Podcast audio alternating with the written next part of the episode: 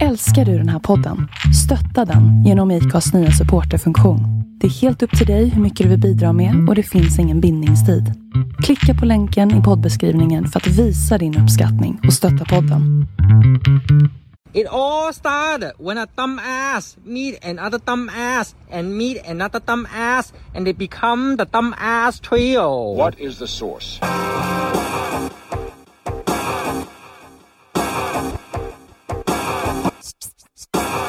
One, two, three, set it!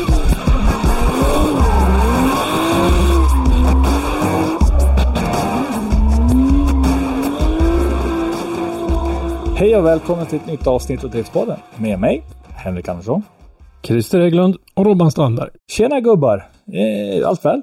Ja, Det är lite Det blött tycker jag. ute just nu. ja, det är lite blött ute och jag har precis alldeles nyss kommit hem ifrån eh, Färila Raceway faktiskt.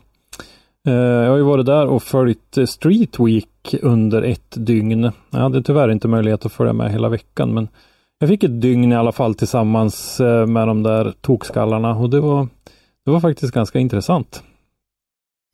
Street Week, för de som inte vet det, är ju dragracing eller street racing beroende på vad man ser, 201 meters rakt fram åka.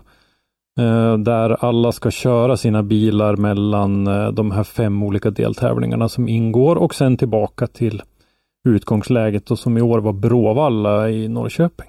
Så det är deras, och nu blir det sådana här luftsnuffar, det är deras gatbilar de använder. Ja, Jag gillar att en del gatbilar som kör fyror och sådär. ja precis. Ja, det har väl inte varit någon godkänd fyra hittills i år tror jag. Fem, eh, den här Jocke Cedergren Mm. körde 509 på Dala Järna.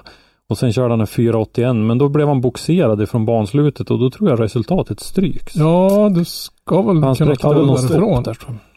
Ja, du måste kunna ta dig där, ja precis, för egen maskin ja. Men jag såg det fanns en klass som var lite kaxig att när de börjar Street Week så får de typ en, en plombering på huven. Ja, Så bara, ha en trevlig vecka liksom. Du öppnar Mm. inte huven en jävla gång. ja. Det, det är lite, ja det är lite Men- kärigt extra. Men det var, det var väl en lugn, lugn och skön liksom nattsömn för dig där Christer, mitt i smeten? Nej, nej det var det inte. Eh, Jag träffade, jag hade en eh, mycket intressant diskussion med vår eh, säkerhetsbas i SPF, Rickard Johansson, ganska sent igår kväll och lullade iväg och skulle lägga mig i bilen och en del av de här förarna som är med och tävlar är ju tidsoptimister och skruvar ju in i det sista och håller på så att det rullar ju in bilar mer eller mindre hela natten. Så det kunde ju komma någon, någon V8 med raka rör och rulla förbi min bil. det är lite värre än, än vissa C70-ägares antilagtester kan jag tänka mig. Ja, faktiskt i klass med åtminstone. Men alltså Ehm. tidsoptimist, då är alltså jag typ som en pensionär som är ute fem timmar extra. Ja, du är med i den där du också. men eh, vi, nu, nu ska vi prata drifting, men det är ju faktiskt en del eh, välkända namn även inom vårt gebit som har varit med och testat på det här. Kalle Linnarsson till exempel var med i fyrhjulsdrivna klassen med en Jeep. Oh, var det han som var, Eh. hade den där C-part-jeepen va?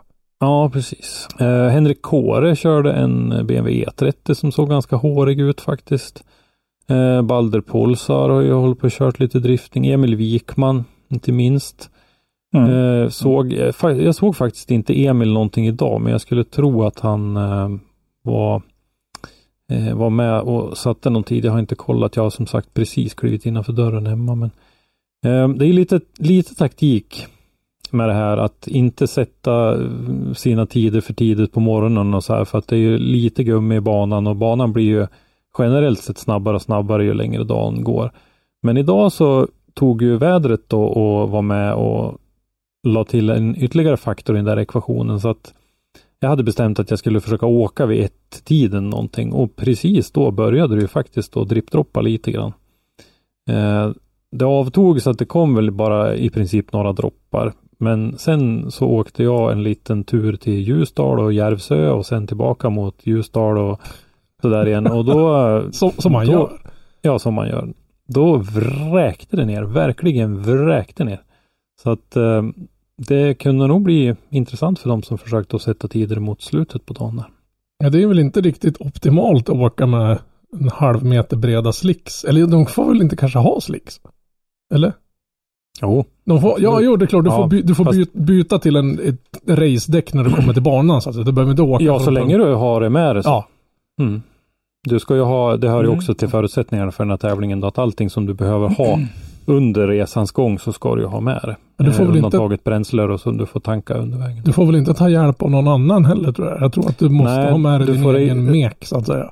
Ja, du får registrera din, du får nog ha flera mekar Mm. tror jag, men de ska registreras på en gång och ha sådana här armband och ingen annan får jobba med bilen och man får inte ta emot någon hjälp utifrån och sådär. Så Får man, får man åka in på OK och låna en lyft?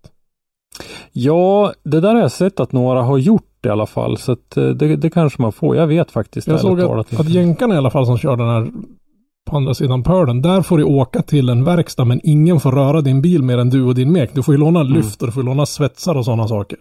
Mm. Annars, annars, du får ju, låna själva verkstaden, men Ja. det, det är Mm. du som gör ja. annars är det väl inte genomförbart kan jag tänka mig. Nej. Nej. Nej, vi har ju pratat lite grann om Drift Week och att det fanns ju någon sån eh, eh, liknande i eh, USA också. Oskar är hemma hos dig nu. Jo, Jag hör det gör det. Ganska ordentligt. Men Eh, du, skulle det kunna gå att göra i Sverige? Ja, jag vet ju att Peter Elvis Sandström hade någon liten plan på det där för några år sedan, men vet inte om det rann ut i sanden. Vi får väl se om det är någon som tar tag i det. Det är ju en, en himla rolig grej och det är ju många som jag tycker, jag är ju med i den här Facebookgruppen för Street Week och det är ju många som verkar mer eller mindre leva för den här veckan. Alltså de, det, det är det de tävlar. Och Mm. därför så bygger de sina bilar för att klara av de här transport. För jag menar, det är inga små transportsträckor heller. Eh, jag slog in de här tävlingsbanorna i Google Maps och närmaste vägen runt var det 106 mil. Åh oh, jäklar. Och Men det är då, en bra runda. Ja, och då hör det ju till att det är ju checkpoints efter vägen så att eh, nu har jag inte hållit jättenoga koll men det blir inte det blir ju inte mindre än 106 mil i alla fall utan det är ju snarare så att det blir mer eftersom de ska svänga av till lite checkpoints och grejer. Och det kanske är lite att ta i för en, för en drifting eh, och, och börja med en sån här grej. Men det skulle onekligen vara Ja, för du måste ju den. ändå kunna ha en stark bil för att kunna drifta ordentligt. Ja. Eh, Eller och stark jag, och stark, men alltså starkare. jag började då i, eh, nu kommer en knall igen här. Det, är så fint bakgrundsljud Ja, i sommaren ja. i Sverige. Liksom. Eh, vad heter det? Jag började ju i själva centrala Färila igår kväll då, därför att det är ju lite kul att se när de här tävlingsbilarna kommer rullandes. En del har husvagnar efter, en del har släpvagnar, en del har ju gjort det så att de har sin utrustning med sig och kan sova också i sina släpvagnar och sånt där. Så det är ju en del ganska roliga ekipage som eh, rullar förbi faktiskt. Så jag stod eh, en och en halv timme tror jag i centrala Färila och tog lite bilder på dem och eh, Eh, sen åkte jag upp till eh, Fönebasen då, eller Färila Raceway. Så det var, ja, det var ett kul litet äventyr i alla fall. Det, det kom en pling på, på Facebook som sa att det stod en tant och sparkade på bilarna.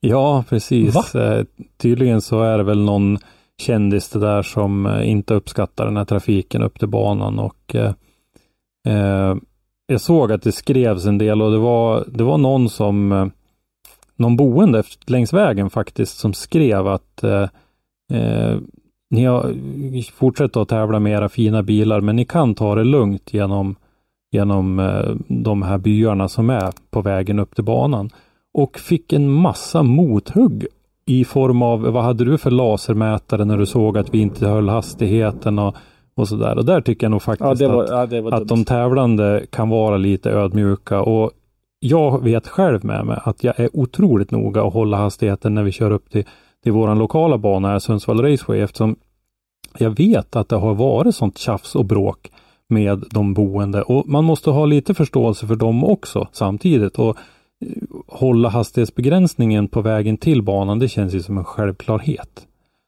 Eh, och, och åtminstone inte börja tjafsa om det om det blir en diskussion om det, utan då får man nog faktiskt lägga sig platt och säga att givetvis ska vi ju göra det.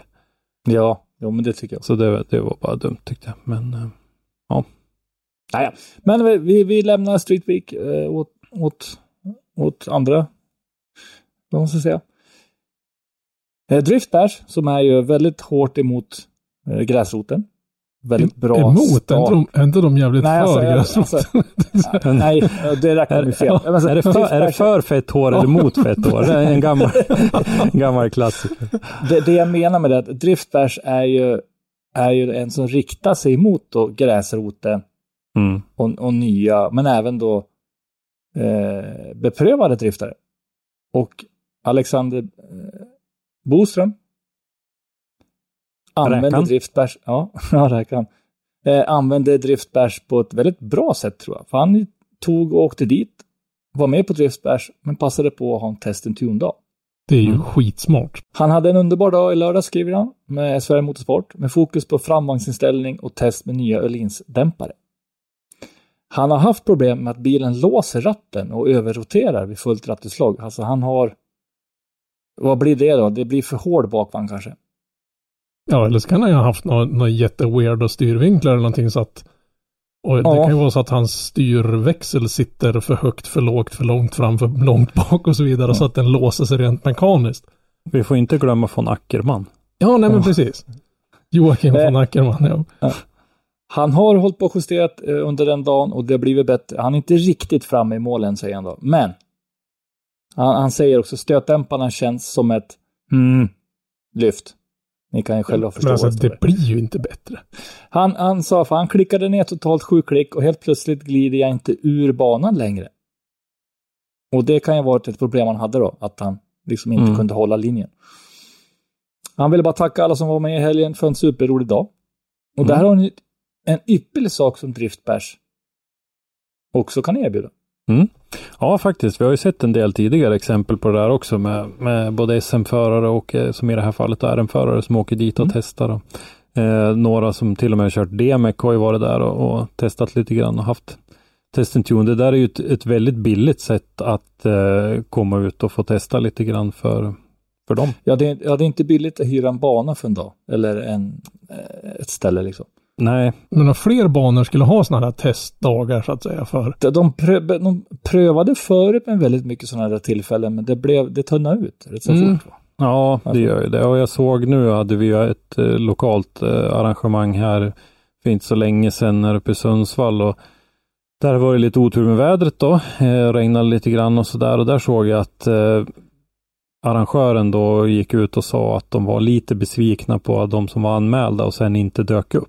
Att Mm. de inte hade sagt till att de inte skulle komma. Det, det, det blir ju lite För de betalar ju en, en slant för att hyra banan och dyker upp. Du säger att 20 pers har anmält sig och så kommer det tre. mm. Då är det en hyfsad förlustaffär. Ja, Mm. så att eh, det, det är så jag förstår. Men det, det är bra när det finns i alla fall de här möjligheterna och Alexander har ju tävling nu då eh, kommande helg. Mm. Eller torsdag, fredag är det ju faktiskt på Mantorp Park. Så att, men eh, den kanske vi ska snacka upp lite separat senare. Yes. Mm. När den här podden kommer ut eh, så är det sex, sju dagar. Yes. Jag, jag, kan, jag kan ju förklara att jag får ju semester nästa vecka. Så min hjärna har liksom redan gått och lagt sig. Jag, Mm. jag, jag såg du skrev det, jag googlade det, men det är tydligen någon, någon man inte går och jobbar då. Det verkar ju helt... Ja, de säger det. Ja, det är ju Mm. jätteweird. Ja, ja, jag ska prova det nog. Eh, I alla fall, helgen som var så var det då den stora festivalen för gatubil. Ja, jag var inte det minsta avis. Jag, jag var hellre hemma. Eh, och gatubil Stugan var mycket Rudskogen är ju liksom urmoden till gatubilsfestivaler kan man säga. Mm. Den är ju störst. Så är det. Eh, på den här festivalen så kör de då någonting som heter Super 3. Och Brejsladd såklart. Brejsladden finns ju med på alla gatubilar. Det där är ju original Brejsladden också. Det är ju Brejsladds VM brukar man ju kalla det där. Ja, på just. Rudskogen. En intressant sak på just Super 3, det är att det mest hypade teamet körde ut sig redan i kvalet. Mm. Och vilka pratar vi om då? Jo, eh, Toyota-boysen. De har väl teamet? vunnit fyra år på raken va? Ja. Tror jag. Eh, alltså Asbö som var med i teamet, han skrev på sin Facebook, om jag inte minns helt fel, att de tände till lite för mycket och stötte i varandra. Mm. Och fick det stökigt så de fick inte till det. Nej. Nej, det var en riktig, en riktig skräll Ja, faktiskt. faktiskt. Det var det. Eh, däremot så var det också första eh, gatubileventet som han körde sin nybyggda Supra. Just det, han har ju faktiskt bara testat den lite grann förut. Mm. Eh, just det. Så det kan ju vara att man kanske inte är liksom inne i, Mm. i alla inställningar och sånt där. I alla Mm. fall, vi kan ju, vad ska vi dra? Topp 10 i kval, Super 3. Mm. Eh, vi börjar med den som vann då, eller de som vann, hette Team Rimax. På 85 Nu poäng. pratar vi kvalet här alltså. Mm. Kvalet ja. Mm. Eh, tvåa, Team Datsun, 78 poäng. Trea, Team Gutta Backer. Fina namn, 76. Eh, fyra, Team Sörby Utleje. Femma, Team Bullre. Sexa, Team Fullfinans. Sjua, Team Europe, eller Europa. Åtta, Team Scandinavian Cocktail. Jag tycker de hade ett bra namn. Eh, Okej, nästa. Ja, Nian, nu, nu blir det explicit markering. Jag tänkte, jag tänkte Ni, säga... nian är, är liksom Team Dad and the Wankers. liksom, De, de hade Ja, faktiskt är ett bättre namn. Tia, Team Brick Squad. Och sen så vill jag bara göra en liten, liten shout-out till teamet som kom på 18 plats. Team Absolut Idioty. Liksom, ja, är fina Mm. namn. Eh, Driftdolls eh, 24 var ju det här tjejteamet. Mm. Eh, igen då med, eh, tror jag, Marianne Halvorstad bland annat, va? Tor-Arne Kvias Ja, precis. sambo. Jag vet inte om Hunter Taylor också kanske var med. Hon brukar kunna vara med i det där. Nej, hon eh, skadade handleden förut, så hon var inte med. Körde, Okej. vad jag förstår. Eh, sen Team Volvos of Sweden kan vi väl nämna. De lyckades ju inte nollpoängare. Där var ju eh, Kevin Brunberg, Rickard Lord och eh, Mike Andersson med. Med tre Volvo-killar. Där, Ja, Var de det- brukar ju ändå liksom ja, där var det inga föraroveraller inte utan där var det bara varselbrallor och träskor. Eh, Ja. Resultatet, ja vi kan ju ta resultatet av Super 3-tävlingen. Mm. Eh, där var det Team Datsun med då Berentsen, Erga och Tor Arne Kvia. Inte Som så förvånande. De har varit med förut och, och fightats. Eh, Tor-Arne Ja, Kvia alltid är i god form får man säga. Så att Ja. inte jätteförvånad där. Andra platsen däremot, ytterligt förvånad. Ja, Team, eh, team Europa med eh, Michel Reichhardt. Och vad heter han? Bertrands. Nikolas, va? Nicknack. Ja. Mm. Ja, just det, Nicolas. Och sen är det då Rasmussen. Jannik Rasmussen från Danmark. Precis. Mm. Eh, ja, eh, Nicknack tycker jag ju var en, en duktig förare när han var med och körde i eh, RDS bland annat. Han, har ju, han är ju väldigt ung. Och slog ju igenom, eller vad man ska säga, som bara var han 13 eller något. Ja. Michel Reichert däremot ser jag ju riktigt som en sån här wild gun när man är ute på DMEC-event och sånt där. Han, när han kommer då, då ser man så att man inte står nära sin kameraväska Ja, eller någonting utan man har plats att fly. Det, det får, det får Ja, förare dig- man, man liksom kollar flyktvägen bakåt. Ja, ja men exakt. Ja. Han, han kör bra vissa gånger men ibland så är han helt banan. Alltså, vi, har, ju- som, vi har ju pratat förut om när han körde av där i, i Österrike också. I, när Ja, när han där. slaktade en tunna och sånt där. Ja. Ja, för några år sedan och sådär. Så att eh, nej, det var mm, något eh, förvånande faktiskt. Eh, sen hade vi på fjärde plats Team Svartstripp. Eh, eller Svart Stripe ska man väl kanske säga. Jag tror det ska stå så. Med då Furberg. Jag hoppar över en va? Ja, Ja, det gör jag ju. du hoppar trean. över trean där. Mm. Ja, vi packar tillbaks. Plats tre. Team Fullfinans. Med Skövling, Bullen och Orake. Mm. Det var lite nya namn för mig. De där känner jag Ja, inte det var det. faktiskt. Och i alla fall fjärde då, Team Svartstripp. Med då Furberg, bägge två. Mm. Båda bröderna, Marcus och lillebror. Ja. Och sen Jörgen Tangen. Tang... Djungeln heter han. Nej, Djungeln. Jörgen. Jörgen Tangen. Mm. Jörgen Tangen. Femma kommer Team Scandinavian Cocktail. Och där kom det ju ett intressant namn också nu och där står det ju J. Rasmussen igen. Men jag Var tänkte säga det. I, i min Ante- värld är ju, är ju J. Rasmussen inte någon som åker på tvärn. Om man åker på tvärn så är det någonting som har failat miserabelt med hans racebil. Men det lär inte vara den. Vem är det då? Men Jan Rasmussen är ju någon, någon sån här liten stjärna som har kört en annan formelserie Mm. i sitt liv. En sån där att köra fort och svänga. Mm. Eh, så att säga. Mm. Eh, sen har du då Nordengre- Nordängen och Michel Reyes. Så det skulle kunna vara Jannik Rasmussen i det laget då, eller i det teamet då. Då vet jag inte Ja. riktigt i så fall vilka som, vem den där Rasmussen i, i team 2 är. Därför att den där Scandinavian cocktailen då skulle ju i så fall eh, bestå av en dansk i form av Rasmussen, en norsk i form av Nordängen och så Michel Reis då som är från Sverige. Det är nog, ja precis. Mm. Nej, men det är kul. Det där är en rolig tävling och eh, det här med teamdrifting och vi har pratat om det tidigare, om det borde växa sig större istället för att man hela tiden battlar och kör mot varandra. Kanske man skulle köra med varandra vid, vid fler tillfällen. Ja, precis. Eh, om vi fortsätter med, gatubil då, så det är ju en tävling till. Och det är den här Brejsladden. Och på Rudskogen brukar de ha kvalet till Brejsladden på lördagen. Årets Brejsladd fick 160 anmälda. Så de hann inte med hela kvalet på lördagen, utan de fick fortsätta på söndag morgonen. med Vilket, vilket jävligt underbart ilandsproblem nu när vi har haft så här covid, det har inte hänt någonting. Ja. Nu är det för många anmälda till en tävling. Eh, om vi drar topp 5 då på kvalresultaten.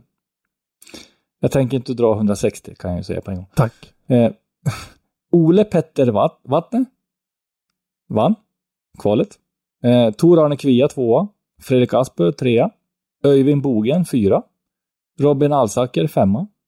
Ole Mm. Morten Davanger sexa. Dan Munster sjua.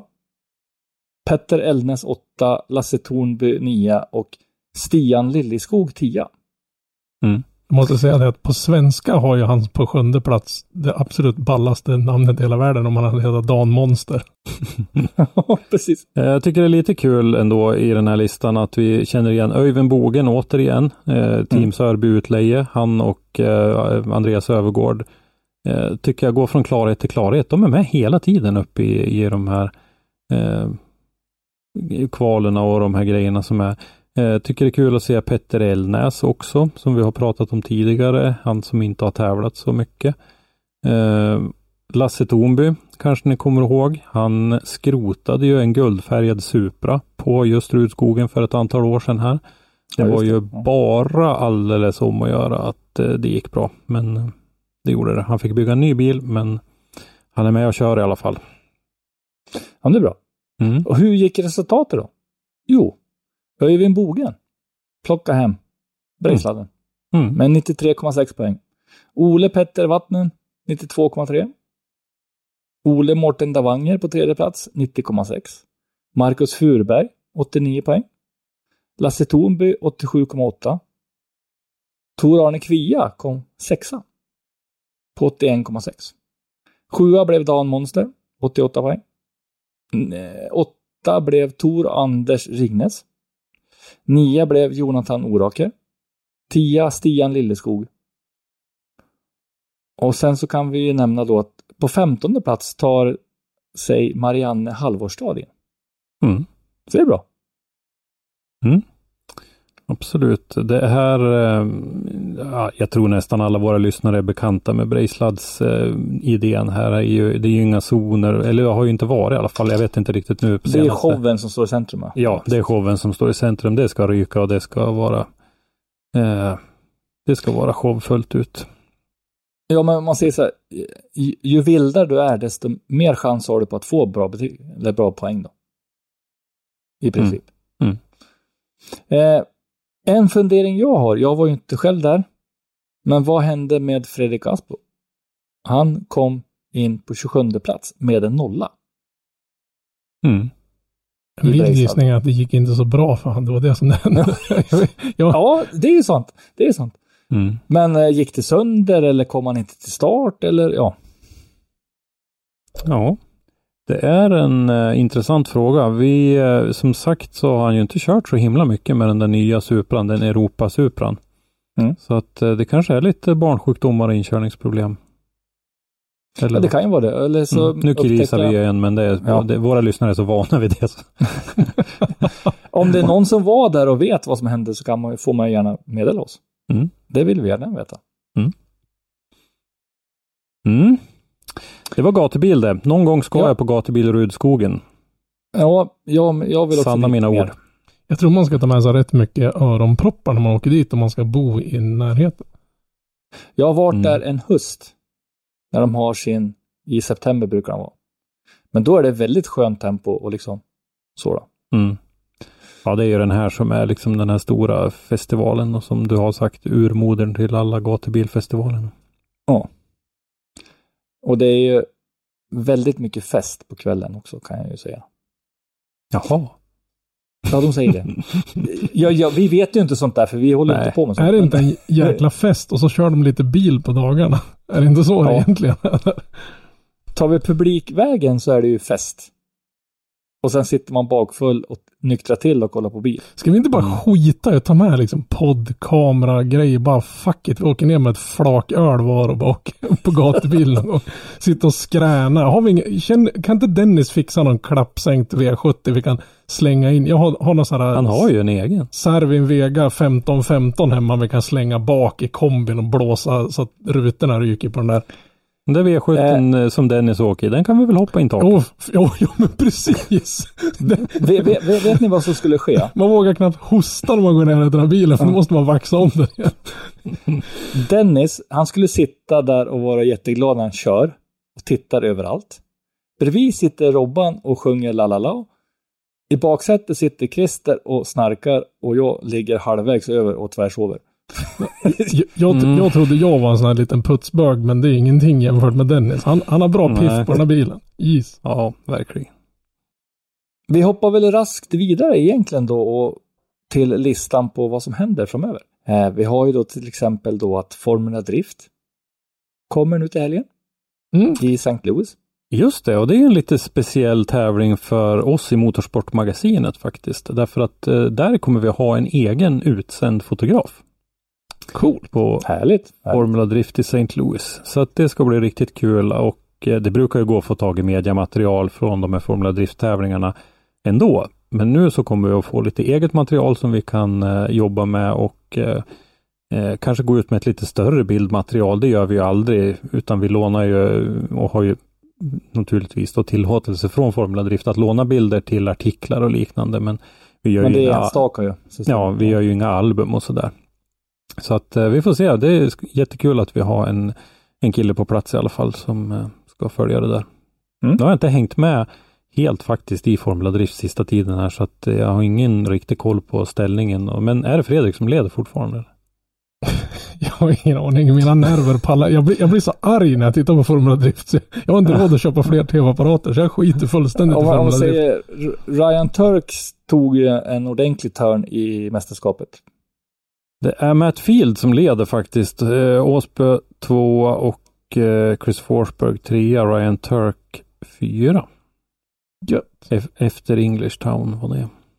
Ja, just det. Mm. Och eh, Chelsea Denofa är femma. Men hur går det för Mm. Adam LC då? Han ligger väl typ så här 73 plats av 18 anmälda. Nej, han ligger 26. Det är 26. faktiskt enastående. Bara 195 poäng efter ettan. Simon Olsen då?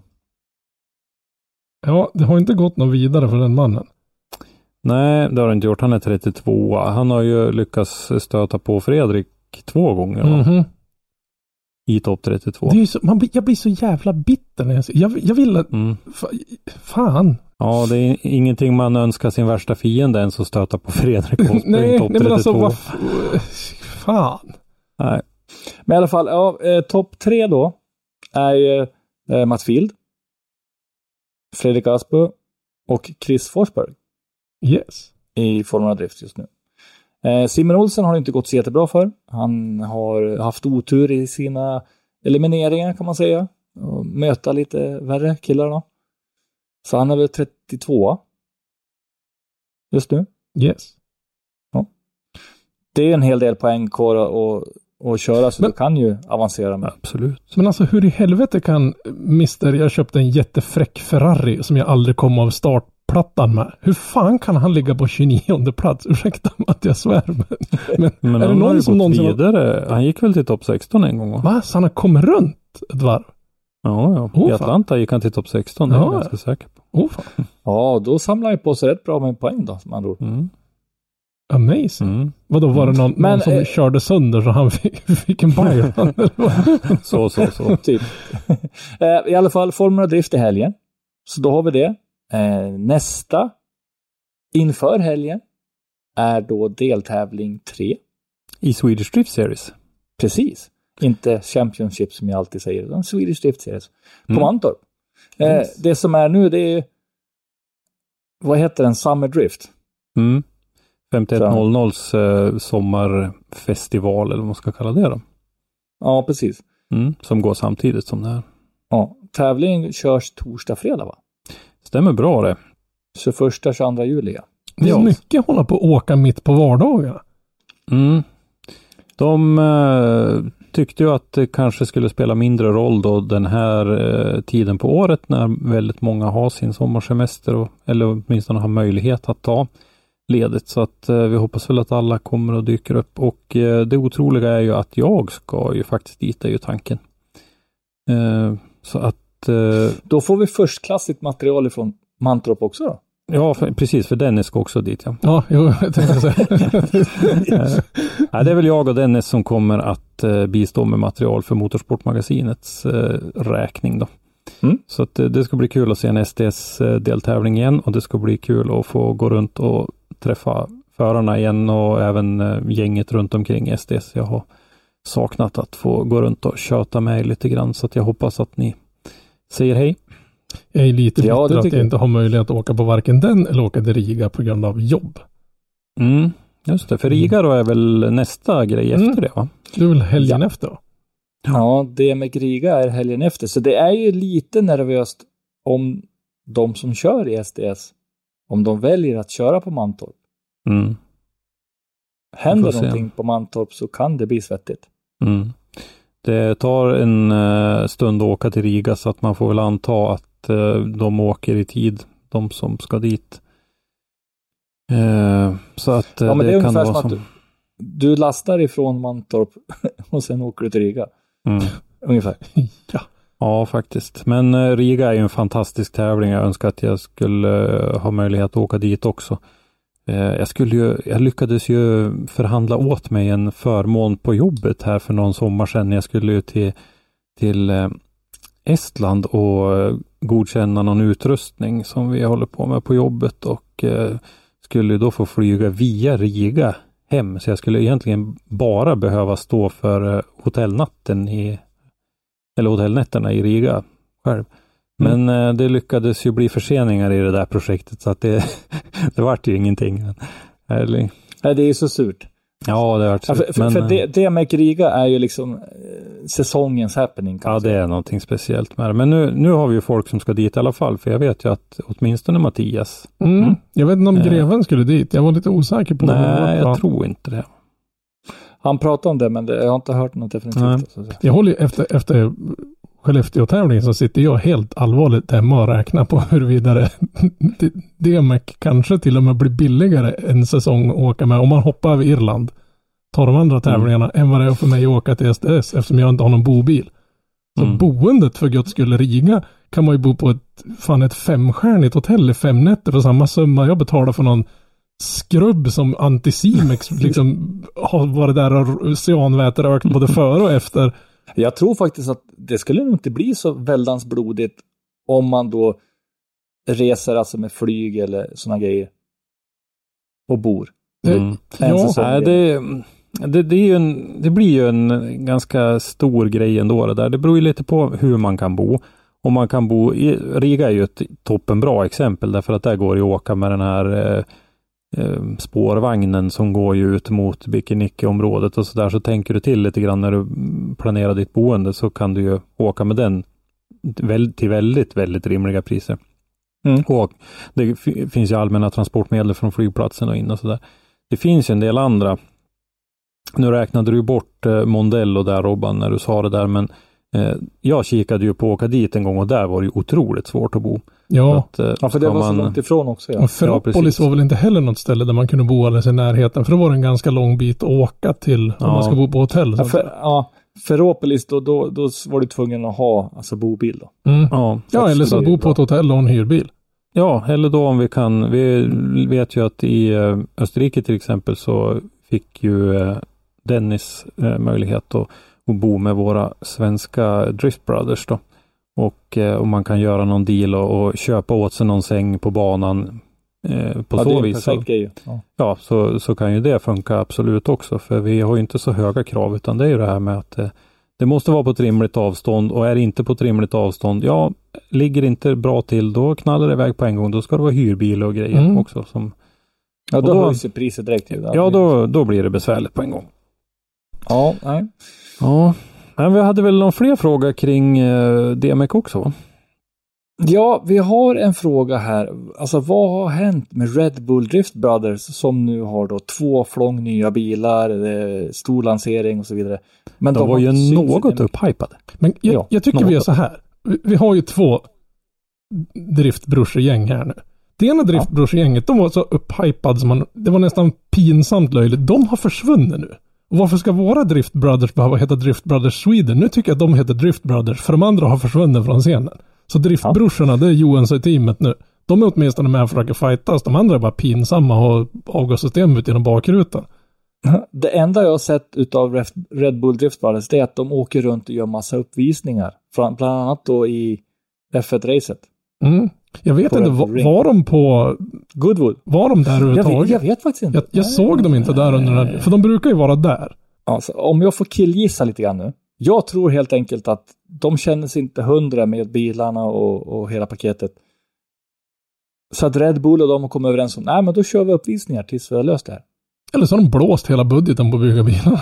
Felsökning, stressbygga bilar som de måste Ja, felsöka resten, av, resten av budgeten. Eller så har då Red Bull hyrt in dem för att de ska vara med som en, som en liksom grej då. Det kan ju vara så att, att Red Bull håller på och hoppar av också. För de har ju, Red Bull kommer ju att sluta sända vissa extremsporter. Red Bull TV till exempel har ju dragit sig ur extremsportsbitarna som downhill och UCIs cykeltävlingar. Det, det är ju sista året som Red Bull sänder i år. Och det har ju även ryktats om att de kanske är på väg bort ifrån motorsportdelarna också. Mm. Men vad är det som, varför det? Det säljs kanske mindre läsk. Jag vet inte. Ja, Ja. ja. Ja, det kan ju vara en ekonomisk fråga. Ja. Det, det, det är inte billigt. Alltså den apparaten vi såg, eller till exempel man såg i Greinbach. Eh, jag tittade på den i Ferropolis. Alltså, det är ingen billig sak. Nej.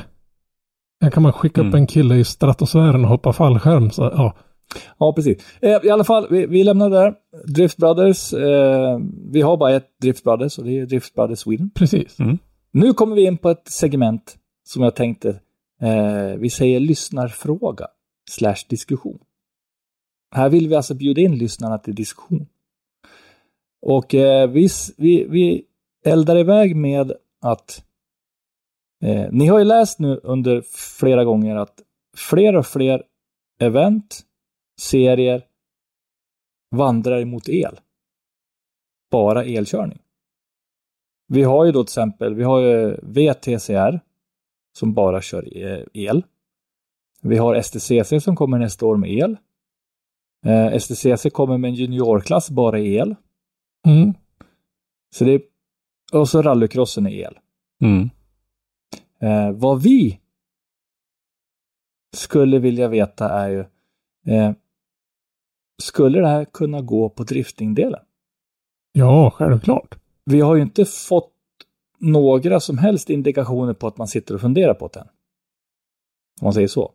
Ja, men det, det tror jag har att göra med att som, som tar vi till exempel STCC, rallycrossen, budgeterna per de teamen.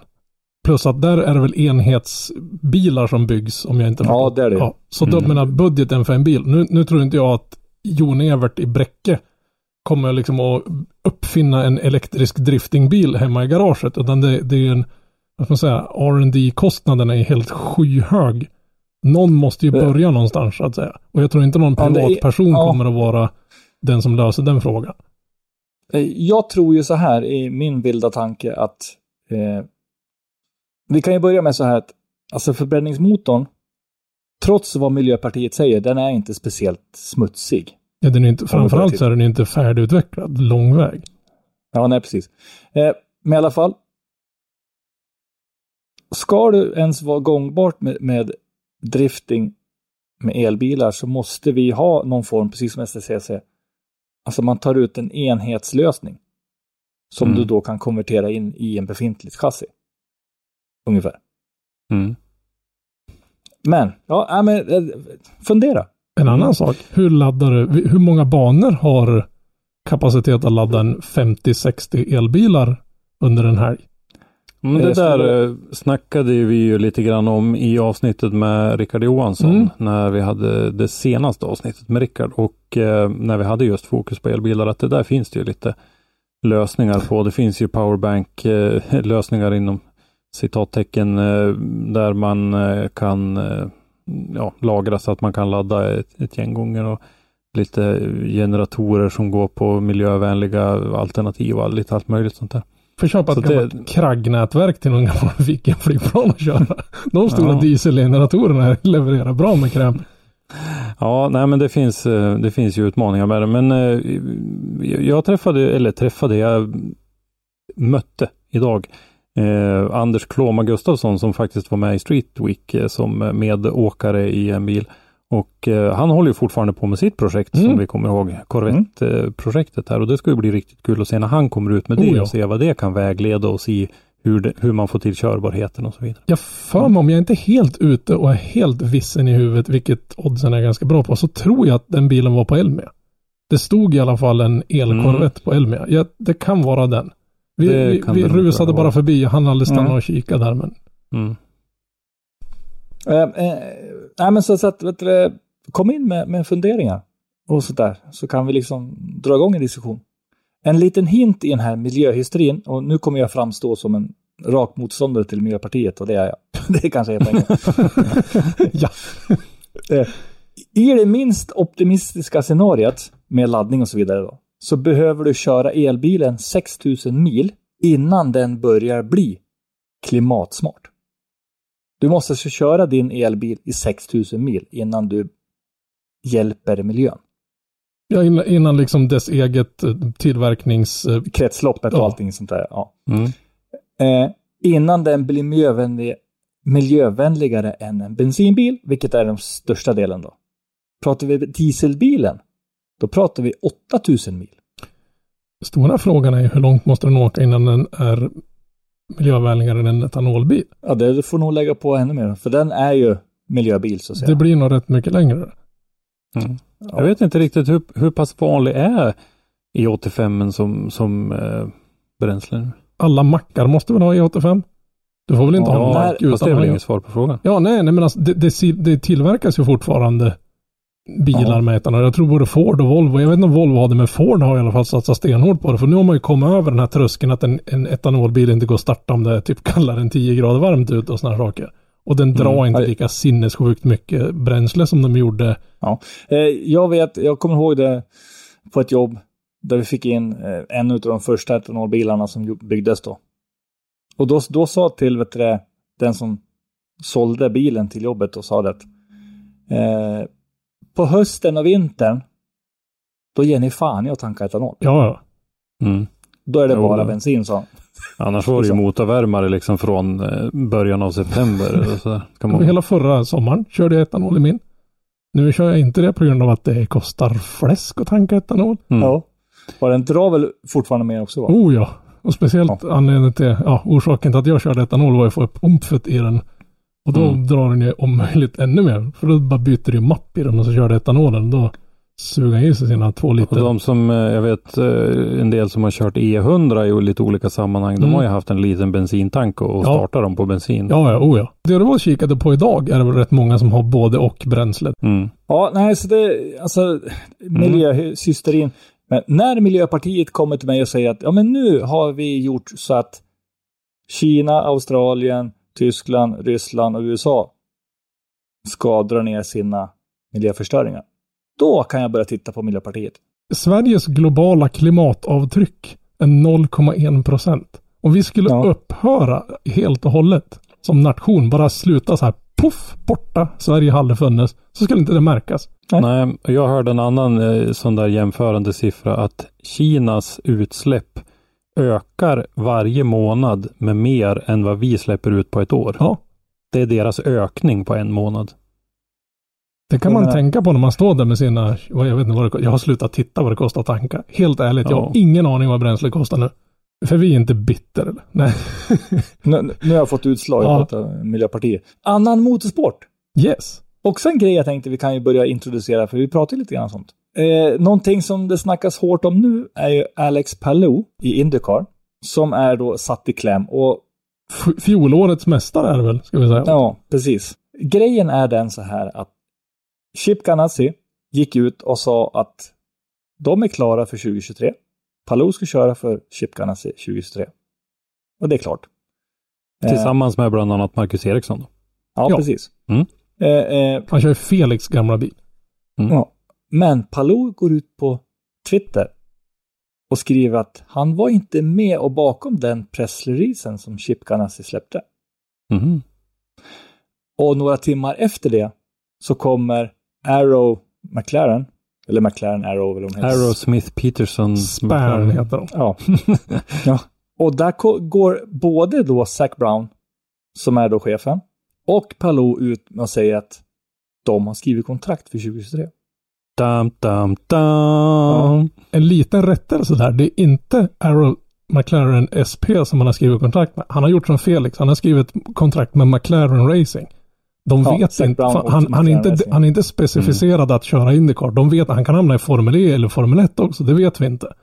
Men Han, är, han är med i McLarens-affären kan man säga. ja, den stora fuck-upen han har gjort är att han har inte tänkt på att han har ett tvåårskontrakt med, med Chip Ganassi. Och, som är ett sån här option att, att teamet kan välja att förlänga hans kontrakt med ett år. För att Mm. han skulle få det här två åren så, så finns det optionet med. Det är en grej som, som eh, Chip Ganassi kan välja att göra. Mm. Och om de då väljer att göra det, då är Palou låst i sitt kontrakt. För det. Palou kan inte kräva att få köra det tredje året, men de kan kräva att han kör det tredje året. För att han fick Mm. de här två och det är, tidigare ju, åren. ja, det är 2023 ut. Ja. Det var någonting han gav upp för att få ett tvåårskontrakt istället för ett Precis, istället för att han skulle behöva bli en paydriver så fick han faktiskt ett kontrakt där han fick lön för att göra det, vilket det är ganska ovanligt i Indy. Det är, jag tror det utav 40 förare kanske det är fem som är paydriver, eller som, som har lön för det. Felix är Mm. en av dem till exempel. Han vägrar köpa sin styrning. Mm. Men, men den stora buggen här är ju att skräckscenariot för Palou just nu är att, att Chip Ganassi, för, för det är inte en man du ska bråka med som chefen i det teamet. Han är kanske den hårdaste Han har varit hela- med lite grann om man säger Ja, så. jo, men han är, nog- han är Mm. förare har lämnat det teamet och aldrig fått chansen att komma tillbaka till Indycar. För han styr och ställer ganska bra. Men han kan Mm. ju helt krasst bänka Palou resten av den här säsongen. Bara, nej, det är någon annan som ska köra din bil det här året. Du är Mm. kontrakterad med teamet, inte i bilen. Så vi, vi sätter någon annan, typ Linus Lundqvist eller någon, i den här bilen resten av året. Och sen så har du ett kontrakt med oss 2023 där du inte får köra någonting annat. Mm. Ha ett trevligt ett och ett halvt helt dött racingår. Utan, eh, utan inkomst, Ja. utan... Han, ja, han får ju den lön han Förutom får reklam. ifrån, från Ja. teamet, men, men bråka Mm. inte med Fast Chip. hans, hans eh, karriär kan ju i princip vara död ja, efter det. den, den kan vara helt över. Mm. Mm. Och, och Chip Ganassi har så pass mycket pull inom motorsport generellt så att om han dödförklarar en racingstjärna då är det bara att lära dig att stå emot bo- fotbollar i något mål eller någonting sånt här, för du har ingenting bakom en ratt mer att göra. Ja, eh, alltså vi har ju inte hört det sista i det där kan jag säga. Nej, vi är inte på Nej. lång väg. Nackdelen är väl det att McLaren har ju två bilar nu. Det är ju den som Felix Rosenqvist kör och den som Pat Award. Ja, Pat Award. Men nu ska ju Alexander Rossi som också kör för Andretti i fjol. Han har ju signat ett kontrakt med McLaren. Så nu är de ju helt plötsligt fyra personer som ska slåss om tre Indycar-bilar. Och risken är ju då att McLaren håller på att dra igång ett dammsugarteam. De ska ju åka, vara, ställa upp i världsmästerskapen i åkdammsugare, det vill säga Formel E. Formel, E kallar ju det andra det för. Dem. Ja, Ja, men, men risken är ju det att Felix blir puttad ifrån Indy och hamnar där. Tillsammans med heter han, Danny Ricardo som kommer tro- troligtvis inte får köra någon mer Formel 1 framöver. Mm. Och det är ju ett sånt Ja, jävla... det är också massa grejer med McLaren och liksom... det är ju sånt episkt jävla nerköp för Felix som jag hävdar är en av de absolut mest kompletta förarna i hela Indy-cirkusen. Nej, men man ser ju, eh, Zac Brown sitter ju verkligen i en guldsits här. Mhm. Därför att han har ju nu då de här tre olika teamen som han kan flytta förare emellan. Eh, han, han behöver inte sitta där med, med Svarte Petter med att få, oj jag fick en förare för mycket under kontrakt, utan då flyttar han bara om dem och flyttar dem till, ja, till Formel E om vi sätter det. Vi rankar i, I min värld så är ju Formel 1 högst rankad, sen är det ju Indycar och så är det ju Formel E sist då i den där. Att mm. då, han kan flytta dem emellan som sagt och, och att Daniel Ricciardo inte har lyckats i Formel 1 är det ju ingen som tvivlar på. Liksom. Det, det har ju inte alls blivit det man hade tänkt sig. Jag tvivlar på att de kommer flytta Ricardo till, till Indy. Mm. Där skulle Nej, han, utan då blir det nog Formel 1. Ja, där skulle han inte ha en sportkeps.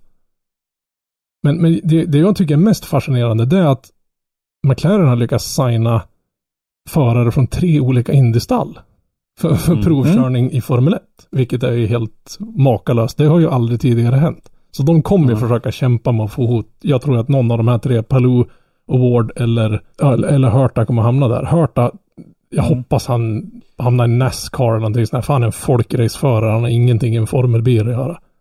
Han, man får ju säga att uh, man jobbar ju ganska målmedvetet där i att få en framgångsrik amerikansk förare för att det är nog ganska viktigt för eh, dels för Formel 1 men sen för McLaren också att mm. få upp intresset eh, där borta för, för Formel 1. Och det, man har ju kommit en god bit på väg när det gäller eh, arrangemangen därför att eh, eh Formel 1 i Texas eh, var ju vad var det, var det inte typ ett av världens största idrottsevenemang jo. någonsin eller det var ju ja, det, helt det hade, det hade fler tittare, in, inte besökare på plats utan fler spectators generellt med, med, med tv-sändningar och sådana saker än någon annan motorsportgren. För Indy är fortfarande mm. den som har flest besökare fysiskt på plats. Och för det är väl Indy 500 som ja. drar upp ja, eh, otroligt ja. mycket. Mm. Jag håller på att försöka ja. komma på vilka, om det har funnits några, några hyfsade, ja borta från Eddie Cheever och Mario Andretti, men har det funnits någon F1, amerikansk F1-förare som har lyckats med något de senaste, sen efterkrigstiden om vi säger så? Mm. Äh, om man säger så här, jag skulle inte gråta blod om jag såg Linus Lundqvist hoppa in i Indy. Nej, jag, tänkte, jag trodde du skulle säga i F1. Jag vill ha honom i Indy. Nej, nej Indy. jag, jag, jag, vill picka, jag vill plocka russinen och stoppa dem i Indy. Formel 1? nej, nej. Vi får, vi får ju inte glömma Scott Speed. Men det var ju en... det, det, jo, det är lätt att glömma. Det är klart, Phil Hill var väl inte direkt någon så här... ja, men Scott Speed var ju ja, under 20, 20, början av 2000 någon gång. Ja, men uh, han var väl ingenting att minnas kanske. Jag vet, jag, måste, jag sitter och kollar för, för den enda jag kan komma på som kan ha lyckats med någonting är Mario Andretti. För han är fan episk. Men hörni grabbar. Yes. Jag tycker att vi nu tar ut en rejäl dos av sommaren. Det gör vi. Eh, ta det lugnt nu grabbar och tjejer och damer och donner och, och killar, gubbar. Eh, och ta hand om varandra. Och glöm nu inte att följa oss Följ oss på Facebook, följ oss på Instagram. Ni hittar oss under Motorsportmagasinet på bägge ställena. Dagliga nyheter för motorsportvärlden hittar ni som vanligt på motorsportmagasinet.se.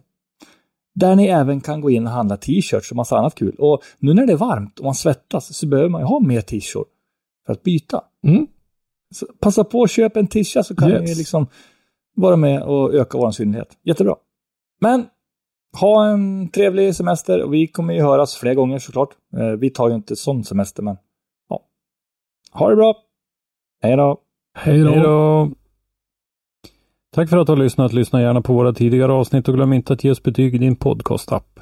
Har du ett ämne eller en gäst som du vill att vi tar med i Driftspodden så skicka oss ett meddelande på Driftpoddens eller Motorsportmagasinets sociala medier. Eller skicka ett mejl till oss på driftpodden gmail.com.